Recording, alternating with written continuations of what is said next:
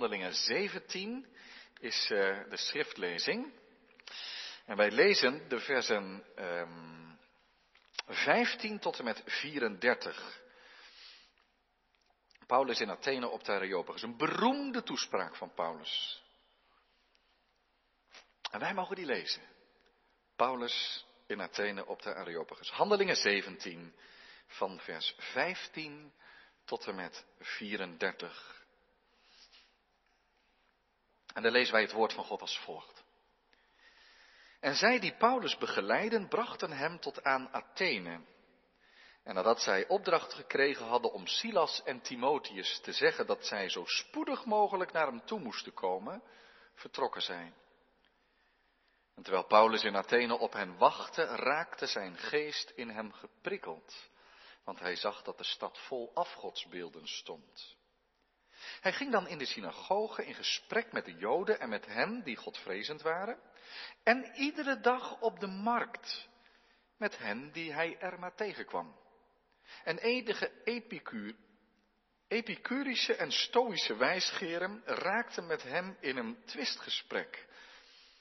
Sommigen zeiden, wat zou deze praatjesmaker toch willen zeggen? Maar anderen zeiden, hij schijnt een verkondiger te zijn van vreemde goden, want hij verkondigt hun Jezus en de opstanding. En zij namen hem mee en brachten hem op de Areopagus en zij zeiden, mogen wij weten wat die nieuwe leer inhoudt waarover u spreekt? Want u laat ons enkele vreemde dingen horen. Wij willen daarom weten wat die te betekenen hebben. Alle inwoners nu van Athene en de vreemdelingen die daar verbleven, besteden hun tijd aan niets anders dan om wat nieuws te zeggen en te horen. En Paulus, die midden op de Areopagus stond, zei, mannen van Athene, ik merk dat u in alle opzichten zeer godsdienstig bent. Want toen ik de stad doorging en uw heiligdommen bekeek, trof ik een altaar aan waarop het opschrift stond aan een onbekende God. Deze dan, die u dient zonder dat u hem kent, verkondig ik u. De God die de wereld gemaakt heeft en alles wat daarin is, deze die een Heere van de hemel en van de aarde is, woont niet in tempels die met handen gemaakt zijn. Hij wordt ook door mensenhanden niet gediend alsof hij iets nodig heeft, omdat hij zelf aan allen het leven, de adem en alle dingen geeft. En hij maakte uit één bloed heel het menselijk geslacht om op heel de aardbodem te wonen. En hij heeft hun van tevoren toegemeten tijden bepaald en de grenzen van hun woongebied. Opdat zij de Heere zouden zoeken. Of zij hem misschien al tastend zouden mogen vinden, hoewel hij niet ver is van een ieder van ons. Want in hem leven wij, bewegen wij ons en bestaan wij. Zoals ook enkele van uw dichters gezegd hebben, want wij zijn ook van zijn geslacht. Wij nu die van Gods geslacht zijn, moeten niet denken dat de Godheid gelijk is aan goud, zilver of steen, een product van de kunstzinnigheid en gedachten van een mens. God dan verkondigt met voorbijzien van de tijden van de onwetendheid, nu overal aan alle mensen, dat zij zich moeten bekeren. En wel omdat hij een dag vastgesteld heeft waarop hij de wereld rechtvaardig zal oordelen door een man die hij daartoe aangesteld heeft. Daarvan heeft hij aan allen het bewijs geleverd door hem uit de doden te doen opstaan. Toen zij nu over de opstanding van de doden hoorden, spotten sommigen daarmee. En anderen zeiden, wij zullen u, u hierover nog wel eens horen. En zo is Paulus uit hun midden weggegaan. Maar sommige mannen sloten zich bij hem aan en geloofden. Onder hen waren ook eh, Dionysius de Areopagiet en een vrouw van wie de naam Damaris was. En anderen met hen. Tot zover lezen we Gods woord voor deze dienst. Zalig zijn zij die het woord van God horen en geloven en daaruit leven. Amen. De tekst voor de prediking is het gedeelte zoals we dat gelezen hebben, Handelingen 17, vers 15 tot en met 34, maar daarvan wel in het bijzonder als kentekst vers 31, waar staat en wel. omdat Hij, God, een dag vastgesteld heeft waarop Hij de wereld rechtvaardig zal oordelen door een man die Hij daartoe aangesteld heeft. Daarvan heeft Hij allen het bewijs geleverd door Hem uit de doden te doen opstaan. Hij heeft het daar over Jezus Christus, de doden opgewekt. Handelingen 17, vers 31.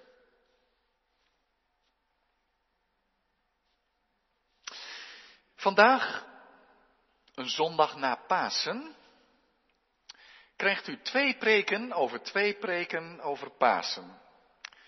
Dat kan ik eenvoudiger zeggen. Maar het gaat er maar om dat we twee keer een, een preek of een toespraak lezen. En daar gaan de beide preken op deze zondag over. Vanmorgen over Paulus die in Antiochië kwam, echt een Romeinse stad in het huidige Turkije. En daar ging hij de synagoge binnen en sprak tot de Joden die vertrouwd waren met de Bijbelse geschriften, met het Oude Testament. En dan verkondigt hij Jezus Christus als de vervulling van die beloften. En roept de Joden op om echt zich om te keren tot die God die ze kennen, maar nu zijn vergeving te ontvangen in de naam van Jezus, die hij uit de doden heeft opgewekt. Een toespraak bij een open Bijbel zou je kunnen zeggen, aan mensen die de God van Abraham, Isaac en Jacob kennen. Maar nu, nu is Paulus in Athene, in Griekenland. En moet hij zich verantwoorden voor een rechtscollege op de Areopagus. De Areopagus, een van de hoogtes. Je had de Acropolis met een mooie tempel erop, een van de wereldwonderen, prachtig mooi. En die andere heuvel waar een soort rechtscollege zitting had. Het is maar de vraag of je daar wilde komen. Want als je daar kwam, had je je wel te verantwoorden. En dat doet Paulus daar ook. Hij staat daar voor geleerde Grieken die zeggen, het wordt eens tijd dat jij ons precies uitlegt wat voor godsdienst je nu verkondigt. Wat is dat nou voor leer die je brengt? Wat voor levensfilosofie heb je? Kun je ons daar eens wat over vertellen? En dat doet Paulus dan uit de doeken. Dus niet voor de Joden zoals vanmorgen in Antiochië, maar vanmiddag voor de heidenen, voor de Grieken. Mensen die totaal vervreemd zijn van de God van de Bijbel. En als ze goden hebben, is het misschien wel een heel pantheon vol goden. Allerlei soorten goden. En zelfs daar kijken ze verschillend tegenaan, want wij komen straks nog Epicureeën tegen en Stoïcijnen en die moesten van dat pantheon van goden ook allemaal niet zoveel hebben. Hoe pakt Paulus dat aan? Hoe steekt hij in? Vanmorgen hebben we gezien dat hij zegt, ah jullie kennen de schriften, dan beginnen we maar bij de uittocht uit Egypte. En dan gaan we zo al die geschiedenis van Israël door, tot op het moment dat God zijn zoon Jezus Christus geeft. Maar dat kan hij nu natuurlijk niet doen. Hij past zich aan. En dat is een van de belangrijke lessen die wij vanmiddag zullen zien. Onder het thema Paulus' prediking van Pasen in Athene. Paulus' prediking van Pasen in Athene op de Areopagus. Het eerste is, wat van belang is, is dat hij zich aanpast. En het is niet alleen leuk om dat te weten, Paulus past zich aan, maar dit gedeelte heeft ons veel te zeggen. Want ook wij leven in een, ja, ik kan dat een heidense omgeving noemen, maar dat is een beetje vreemd om dat zo te zeggen. Maar postchristelijke omgeving. Maar heel veel mensen zijn zo losgegroeid van de Bijbel, van het besef dat er een God is en, en dat er een, al blij dat er geen alziend oog meer is, daar zijn we dan vanaf, gelukkig maar, eindelijk vrij. Ah, die vrijheid in de samenleving blijkt helemaal niet zo heel vrij te zijn ook. Het blijkt ook de oplossing niet te zijn. Maar goed, besef van God is zo ver weg. Nou, dat heeft Paulus hier ook. Paulus staat er in de diepe overtuiging dat er één God is die ons gemaakt heeft. En dat die God zijn zoon Jezus in deze wereld heeft gegeven. En daarom iedereen uitnodigt. Om hem te leren kennen. Om zich te bekeren. Om de vrede met God te ontvangen. Dat zegt hij tegen Joden, dat zegt hij ook tegen deze Grieken. Deze, tegen deze heidenen. Maar het is voor ons zo belangrijk, omdat wij ook te midden van zo'n soort cultuur leven. Ja, wel anders dan toen, maar toch. Dat je je zo machteloos voelt, omdat je zegt, hoe kan ik nou mijn medemensen bereiken met het woord van God?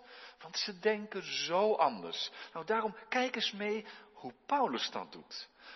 Wat doet hij nou om trouw te zijn aan het evangelie, want hij wint er echt geen doekjes om. Hij komt straks zelfs over de oordeelsdag te spreken.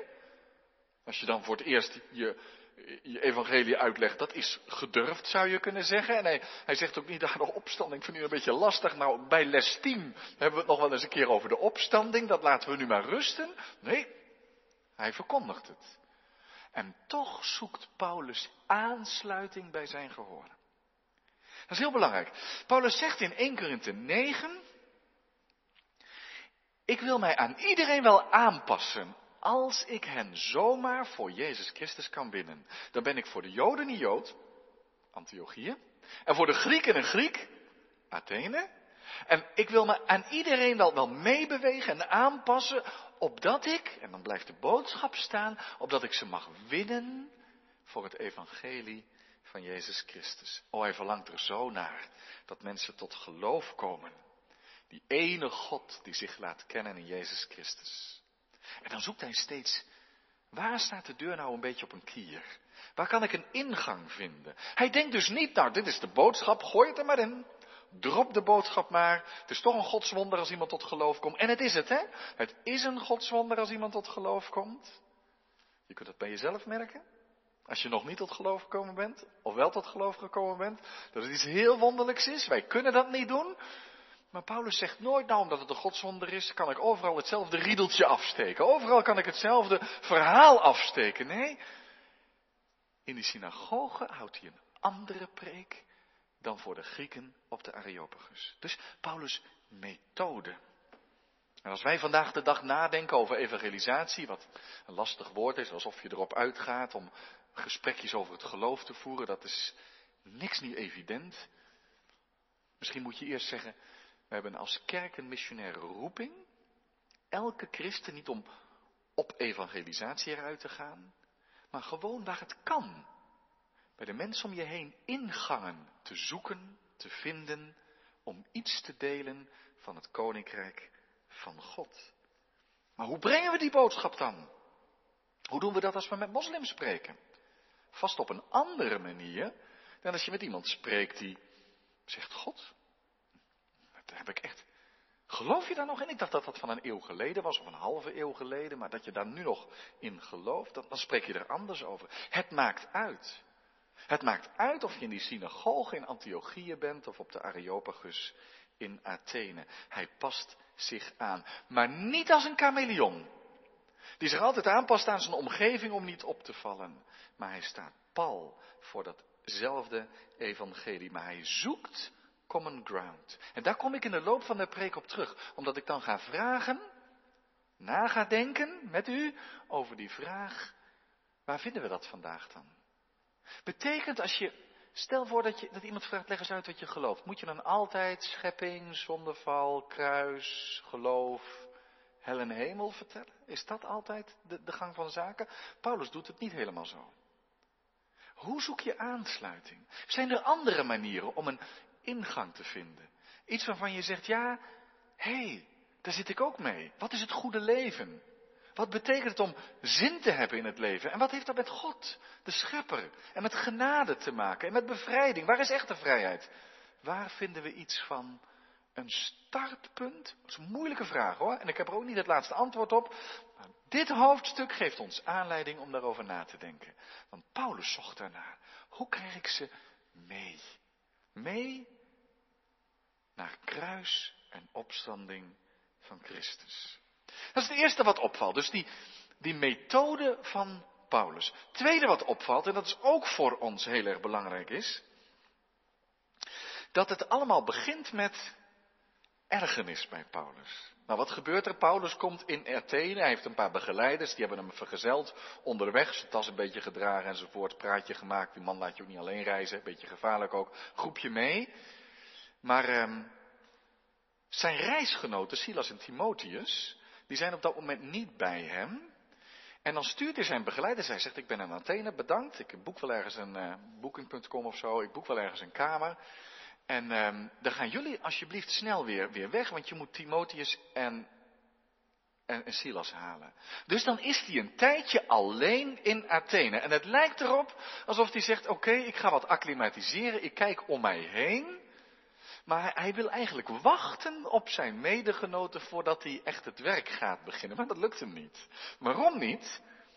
Hij wordt geprikkeld. Hij wordt, het staat een sterk woord, wat betekent het begint van binnen te koken bij hem. Je kunt het zeggen, hij werd geërgerd, maar het is niet een platte ergernis of zo, maar het begint toch van binnen te koken. Hij ziet daar een stad, het is het prachtig allemaal, cultuur, zuilen, tempels. Als je toerist bent, heb je echt een goede tijd daar hoor. Dat is een van, ben in Athene geweest? Nou, het is toch geweldig dat je in Athene bent. Maar Paulus kan er niet van genieten, want hij is geen toerist. Hij ziet daar een stad vol afgodsbeelden, vol tempels. En overal op de markt van die typische Griekse filosofen die altijd maar bezig zijn. Waarom zijn we er? Waarom is er iets? En niet veel hier niets. En weet ik veel wat, wat voor dingen ze allemaal bedacht. Hoe zit het leven in elkaar? En dat raakt hem. Hij kan niet genieten van die mooie Griekse cultuur. Niet dat hij het niet waardeert, hè? Maar hij zit ermee dat hij weet dat God er is. En dat Jezus leeft. En dan ziet hij daar die mensen discussiëren. En dan ziet hij die tempels. En dan begint het van binnen te borrelen. En zegt hij, oh God, ze moeten u leren kennen. Ze moeten Jezus leren kennen. Hij kan niet wachten. Dan gaat hij gewoon, zegt nou, dan begin ik maar vast. En dan gaat hij inderdaad, ja, naar de synagoge. En daar vertelt Lucas ons dan verder niks van. Blader maar even terug naar Antiochië, dat zal hij daar wel verteld hebben. En dan richt Lucas zich op dat Paulus ook, ja, van sabbat tot sabbat in de synagoge, maar ja, dan heb je nog wat dagen over in de week, dus gaat hij naar de markt. En daar gaat het erg Grieks aan toe. Daar komen mensen niet alleen spullen kopen, maar het is ook een beetje de grote markt, zeg maar. Hij eh, ging niet alleen naar de kerk op zondag, zeg maar. Maar hij ging ook naar de grote markt van Antwerpen, zoiets. Maar nou eenmaal de mensen rond gingen hangen, geen hangjongeren, maar hangfilosofen, zeg maar. En die waren voortdurend met elkaar aan het praten. Hoe zit het leven in elkaar? En eh, dan worden er twee groepen met name genoemd. Epicurische en Stoïsche wijsgeren. Nou, Stoïcijn. Nou, Stoïcijnen, dat zijn voor ons ijskonijnen, maar dat waren ze eigenlijk niet. Stoïcijnen, die zeiden, ja, al die goden. Nee. Ze hadden er een beetje oog voor dat er één soort van godheid was. Maar, zeiden die Stoïcijnen, ja, God zit in alles en iedereen. Alles is wel goddelijk. Dus ga je verder filosoferen over hoe zit het leven in elkaar. En dat je niet al te veel verlangens moet hebben, want als je veel verlangens hebt, heb je veel teleurstelling. En je moet de dood aanvaarden, wanneer die komt. En nou, dan zullen mensen dat allemaal veel preciezer uit kunnen leggen, maar stoïcijnen. En dan had je die epicureërs, die uh, hadden ook uh, wel genoeg van al die verschillende goden. En die epicureërs, ja, die zeiden een beetje van, uh, ja, God uh, is er wel, maar die bemoeit zich niet met ons. Dus er zal wel iets zijn, ja, Epicureërs zijn er vandaag ook. Er zijn heel veel mensen die zeggen, er is wel iets. Als je maar zeker weet dat je nooit weet wat dat iets is, dat kun je nooit weten. Daar hoef je ook geen rekening mee te houden, kun je nooit weten. Er is iets, ja, er moet wel iets zijn. En zoek je ook, maar hoezo zou je dat zoeken? Je kunt echt God niet vinden. En die Epicureeën leven vandaag ook, zou je kunnen zeggen. dus er is wel een God, maar die bemoeit zich niet met ons. Nou, met dat soort mensen gaat hij in gesprek. Dan zie je hem daar op het houten bankje daar aan de rand van dat plein zitten met een stel lange Griekse baarden. Om met hen te praten over uh, hoe, zit, hoe, zit, het leven nou in elkaar. En dan gaat hij ze vertellen over die ene God. Die ene God die iedereen gemaakt heeft, maar die je ook kan leren kennen. Die God die zo zo bijzonder aards kan zijn, die zo hoog verheven is, maar toch een, een volk heeft uitgekozen. En zijn zoon naar de aarde heeft gestuurd. Die mens geworden is en dan spreekt hij over Jezus in de opstanding. Jezus en Anastasis. Hoe zeggen ze Anastasis? Twee dus, net als Isis en Osiris of zo. Jezus en Anastasis. Wat zijn het voor vreemde goden die u verkondigt? Nee, zegt hij dan één God. Die in Jezus bij ons is gekomen. En hij heeft hem uit de doden opgewekt. Nou, dat vinden ze een heel vreemd verhaal. En omdat ze nogal op de rust in de samenleving gesteld zijn, brengen ze hem naar de Areopagus, waar een recht, een eerbiedwaardig rechtscollege zitting heeft. En ze zeggen, nou, je moet dus naar deze man luisteren. Niet omdat ze onder de indruk zijn, maar omdat ze zeggen, dit is een nieuwe leer. En daar moeten jullie van weten, dus ze gaan hem op de proef stellen. Je moet je verantwoorden, Paulus. Wat, wat breng jij hier allemaal voor gedachten? Eh, op de markt aan de orde. Leg het ons eens uit, dan zullen wij beoordelen of het schadelijk is, of het mag, of dat het onschuldig is. En dan mag Paulus twee minuten spreken. Nee, dat is niet waar. Als wij de toespraak hier lezen, kun je het in twee minuten lezen. Misschien, dan denk ik eigenlijk dat hij wel twee uur gesproken heeft en dat Lucas hier een samenvatting geeft. Maar wel een betrouwbare samenvatting van hoe hij het aangepakt heeft. Hoe pakt hij het aan? Hoe verkondigt hij het? En het eerste wat hij doet, is weer het zoeken van die aansluiting. Hij zegt, luister eens goed, mannen van Athene. Ik ben hier door de straten gegaan en ik kwam allerlei afgodsbeelden tegen. Man, wat hebben jullie veel goden. Maar ik kwam ook een, een afgodsbeeld tegen, er stond een bordje bij voor de onbekende God. Daar vindt hij zijn aanknopingspunt. Waarom stond dat altaar er? Een altaar voor de onbekende God. Nou, sommigen zeggen, ja, je hebt, als je zoveel goden hebt, heb je al, al licht kans dat je er een vergeet. Laten we het zekere voor het onzekere nemen en dan zetten we er nog eentje voor de onbekende God tegen. Dat hij zich maar melden mag als die er is. Maar anderen zeggen nee. Men had daar ook Joodse gemeenschap en ze hebben gedacht, ach, waarom ook niet? Het is een onbekende God, want ja, je kunt er niet echt een beeld van hebben. Het is een altaar voor een onbekende God. Misschien bedoelden ze de God van de Joden ermee. Kan allemaal.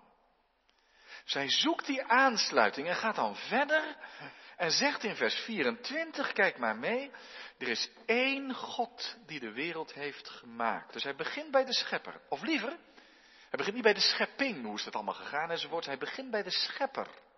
Hij zegt, de dingen zijn er niet bij toeval, zijn er niet vanzelf. De dingen zijn ook niet God. Dat is echt anders dan die Stoïcijnen. Nee, er is een God die is. Een persoonlijke God. Die heeft de schepping bedacht, gewild. En daarom zijn alle dingen er.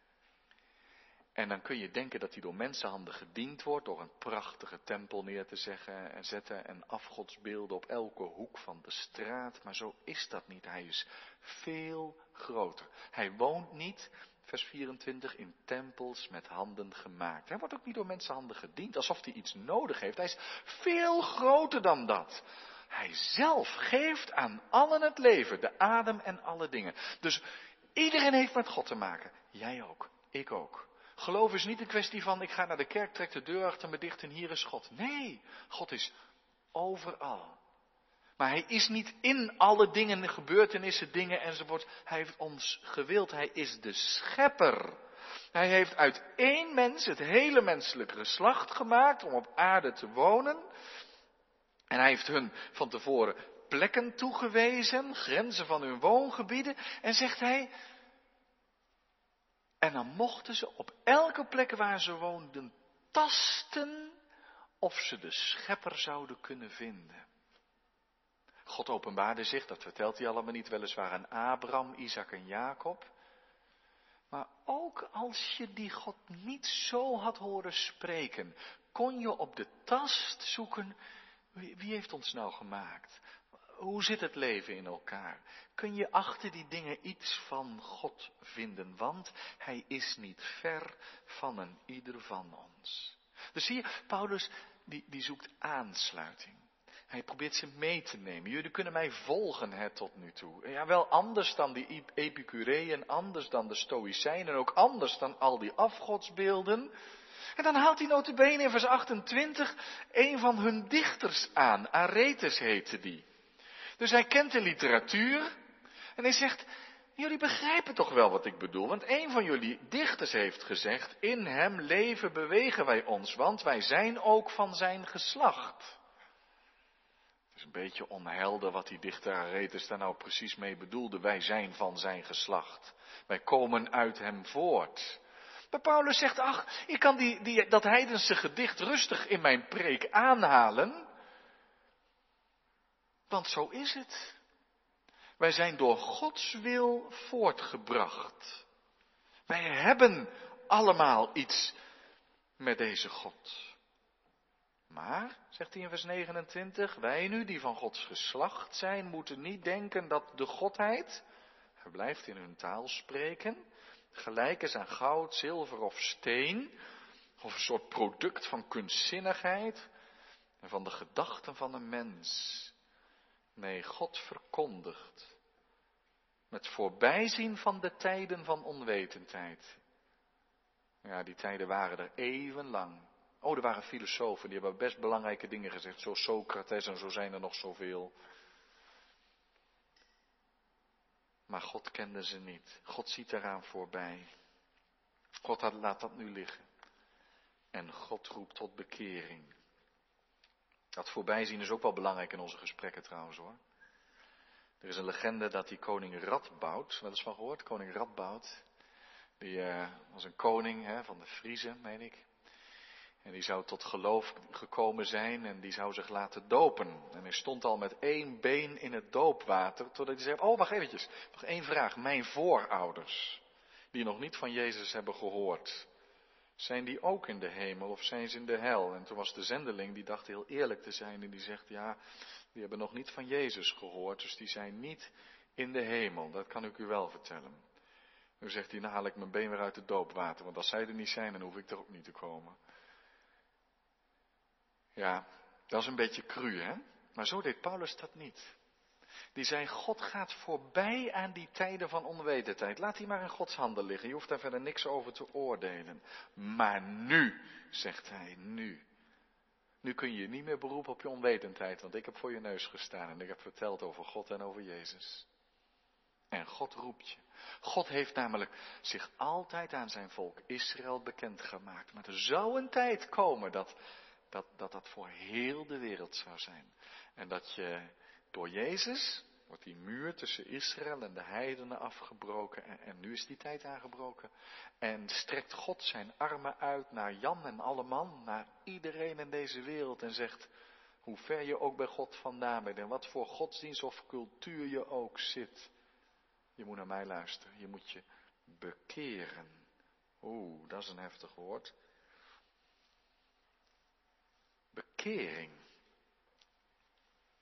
Paulus praat er nog over voor bekering voordat hij genade noemt. Hij noemt in heel die toespraak het kruis van Christus niet. Zelfs de naam van Jezus niet. Ja, zal die ongetwijfeld gedaan hebben. In de samenvatting komt het niet aan de orde. Hij zegt, laten we eens beginnen bij bekering. Als je gelooft dat je vergeving nodig hebt, zal ik je ook wel vertellen dat het kan door het kruis van de Heer Jezus Christus. Maar hij zegt, God roept je tot omkeer. Het is geen lieve boodschap die Paulus spreekt. Een zeer uitdagende en scherpe boodschap. God vraagt dat je je hart voor hem opent. God vraagt dat je je omkeert naar hem. Dat er een levensverandering plaats heeft. Want, zegt hij in vers 31, hij heeft een dag vastgesteld. Echt hoor. De wereld gaat niet zomaar door en door en door. Maar er is een jongste dag. Er komt een dag die heeft God aangesteld waarop hij de wereld zal oordelen. Waarop God recht zal doen. Waarop elk mens zich voor hem moet verantwoorden. Maar zegt Paulus dan, en dan gaat hij naar de Heer Jezus toe, dat oordeel van God wordt uitgevoerd door een man. Kijk, en eigenlijk voel je, hier zit je op het punt dat Paulus die aansluiting niet meer vast kan houden. Want dit kunnen ze zich niet voorstellen. Dit is heel bijzonder wat Paulus nu zegt. Maar dan zegt Paulus ook, ik kan het niet anders maken. Zo heeft God het gezegd. Zo heeft Hij zich geopenbaard. Zo is God. God heeft Jezus gegeven. En heel het toekomstige oordeel in de handen van Jezus gelegd. Dus Jezus zal de wereld oordelen. Dan weet je ook naar welke maatstaven naar de maatstaven van Jezus Christus, naar zijn rechtvaardigheid, naar zijn heiligheid, naar zijn offerbereidheid, naar zijn liefde. Paulus sprak over het oordeel. Hij riep mensen op tot bekering. U kunt niet blijven zoals u bent. God roept u om uw oude leven, uw vorige gedachten in te leveren en je door God te laten gezeggen. Hij sprak er voor Felix bijvoorbeeld over, lees het maar verder. Zodanig dat Felix zelfs een beetje bang wordt voor het oordeel en zegt, nou, hou er maar even over op. Daar hebben we het nog wel eens over. En hier zegt hij het ook. En wil je weten dat de toekomst van Jezus Christus is? God heeft hem uit de doden opgewekt. En op dat moment zeg je Paulus, dat is niet verstandig man om dat te zeggen. Je had veel beter kunnen zeggen, nou we kunnen nog wel eens wat verder filosoferen over uh, hoe het leven in elkaar zit enzovoort. En het was een heel makkelijk gesprek geworden als het alleen maar bij die schepper was gebleven. Maar dan zegt Paulus, nee, dat is niet het laatste. Ik moet je ook vertellen over Jezus. En over het oordeel van God. En dat je je bekeren moet tot Hem. Om veilig te zijn, vrede met God te hebben. Om dat nieuwe leven wat God ons geeft te leven.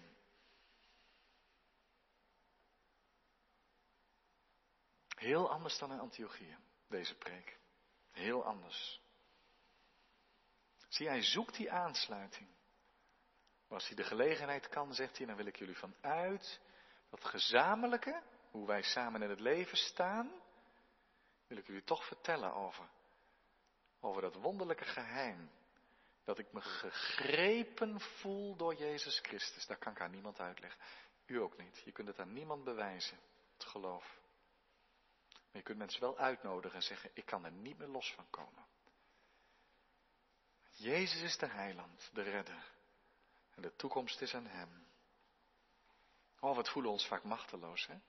Als je het evangelie moet delen. Het zijn vaak maar momenten. Geloof je? Ga je naar de kerk?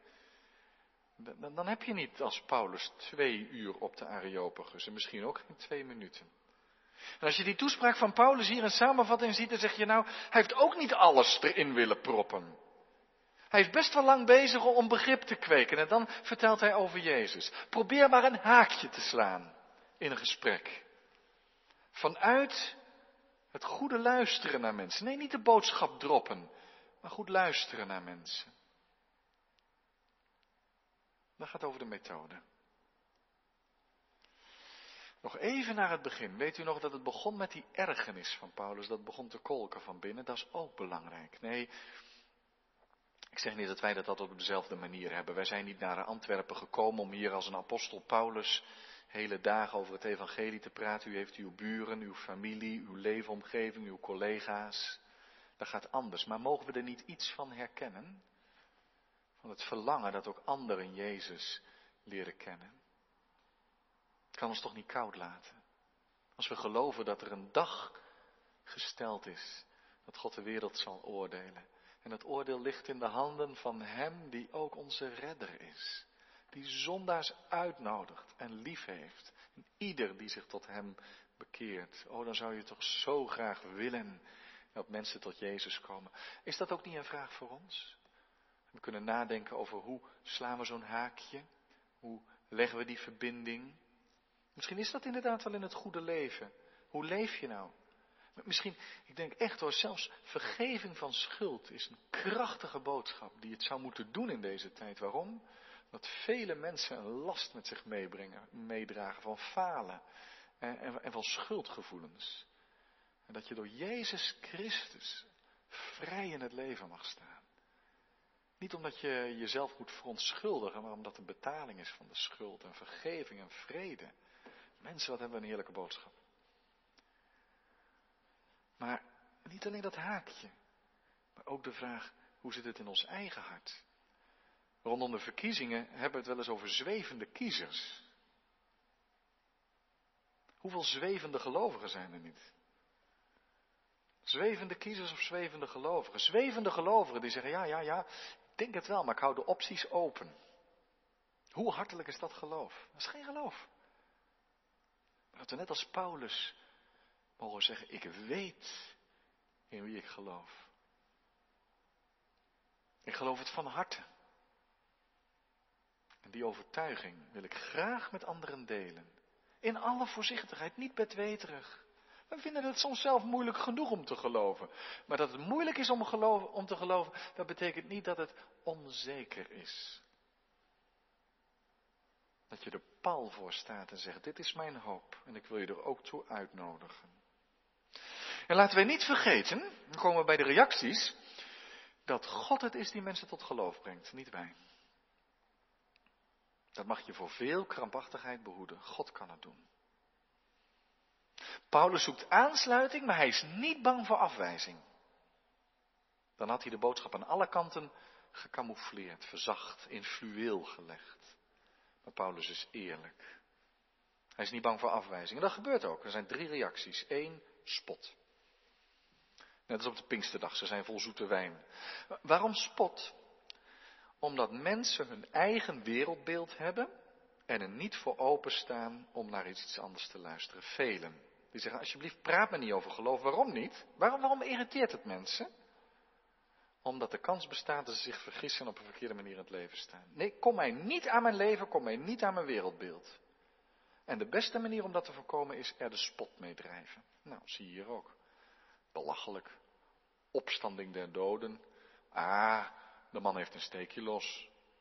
Hij kan het wel mooi uitleggen, maar uh, dat is de eerste reactie. De tweede reactie is iets milder. Interessant. Misschien hebben we het er nog wel eens over. Dat is eigenlijk de tweede reactie. Staat hier ook, hè? We zullen u hierover nog wel eens horen. Kans dat dat gebeurt, niet zo groot, maar beleefd. We hebben het er nog wel eens over. Dat kan je gebeuren. Goed voor jou naar de kerk. Spreekt het geloof je zo aan? Gefeliciteerd. Zo. Best interessant. Misschien hebben we het er nog wel eens over. Dappere apostel Paulus. Maar je zou zeggen, man, ga maar weer terug naar de synagoge. Daar heb je toch mensen die een beetje voorbereid zijn. Maar op de Areopagus, Paulus, je hebt daar niks te zoeken. Die mensen zijn ver bij God vandaan, kansloos.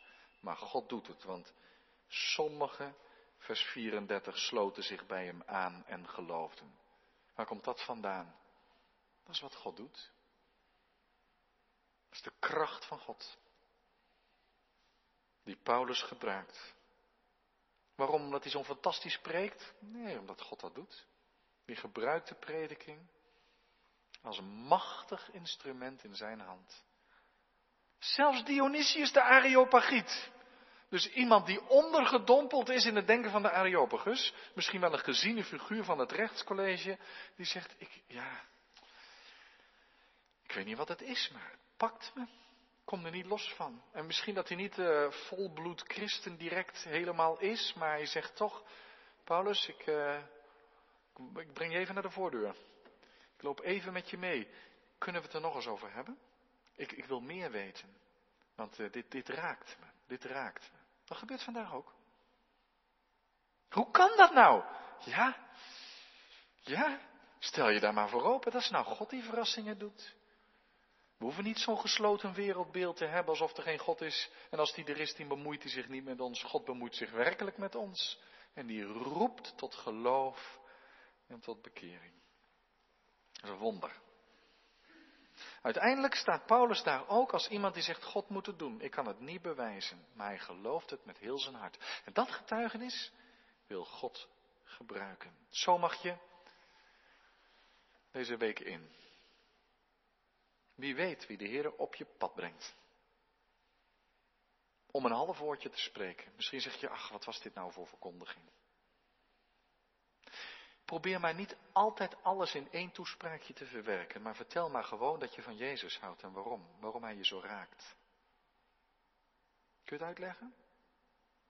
Dat je gelooft. Wie weet wat God ermee doet. Moedig mag je spreken wanneer het kan. Wees maar niet bang voor afwijzing, zal er vast zijn.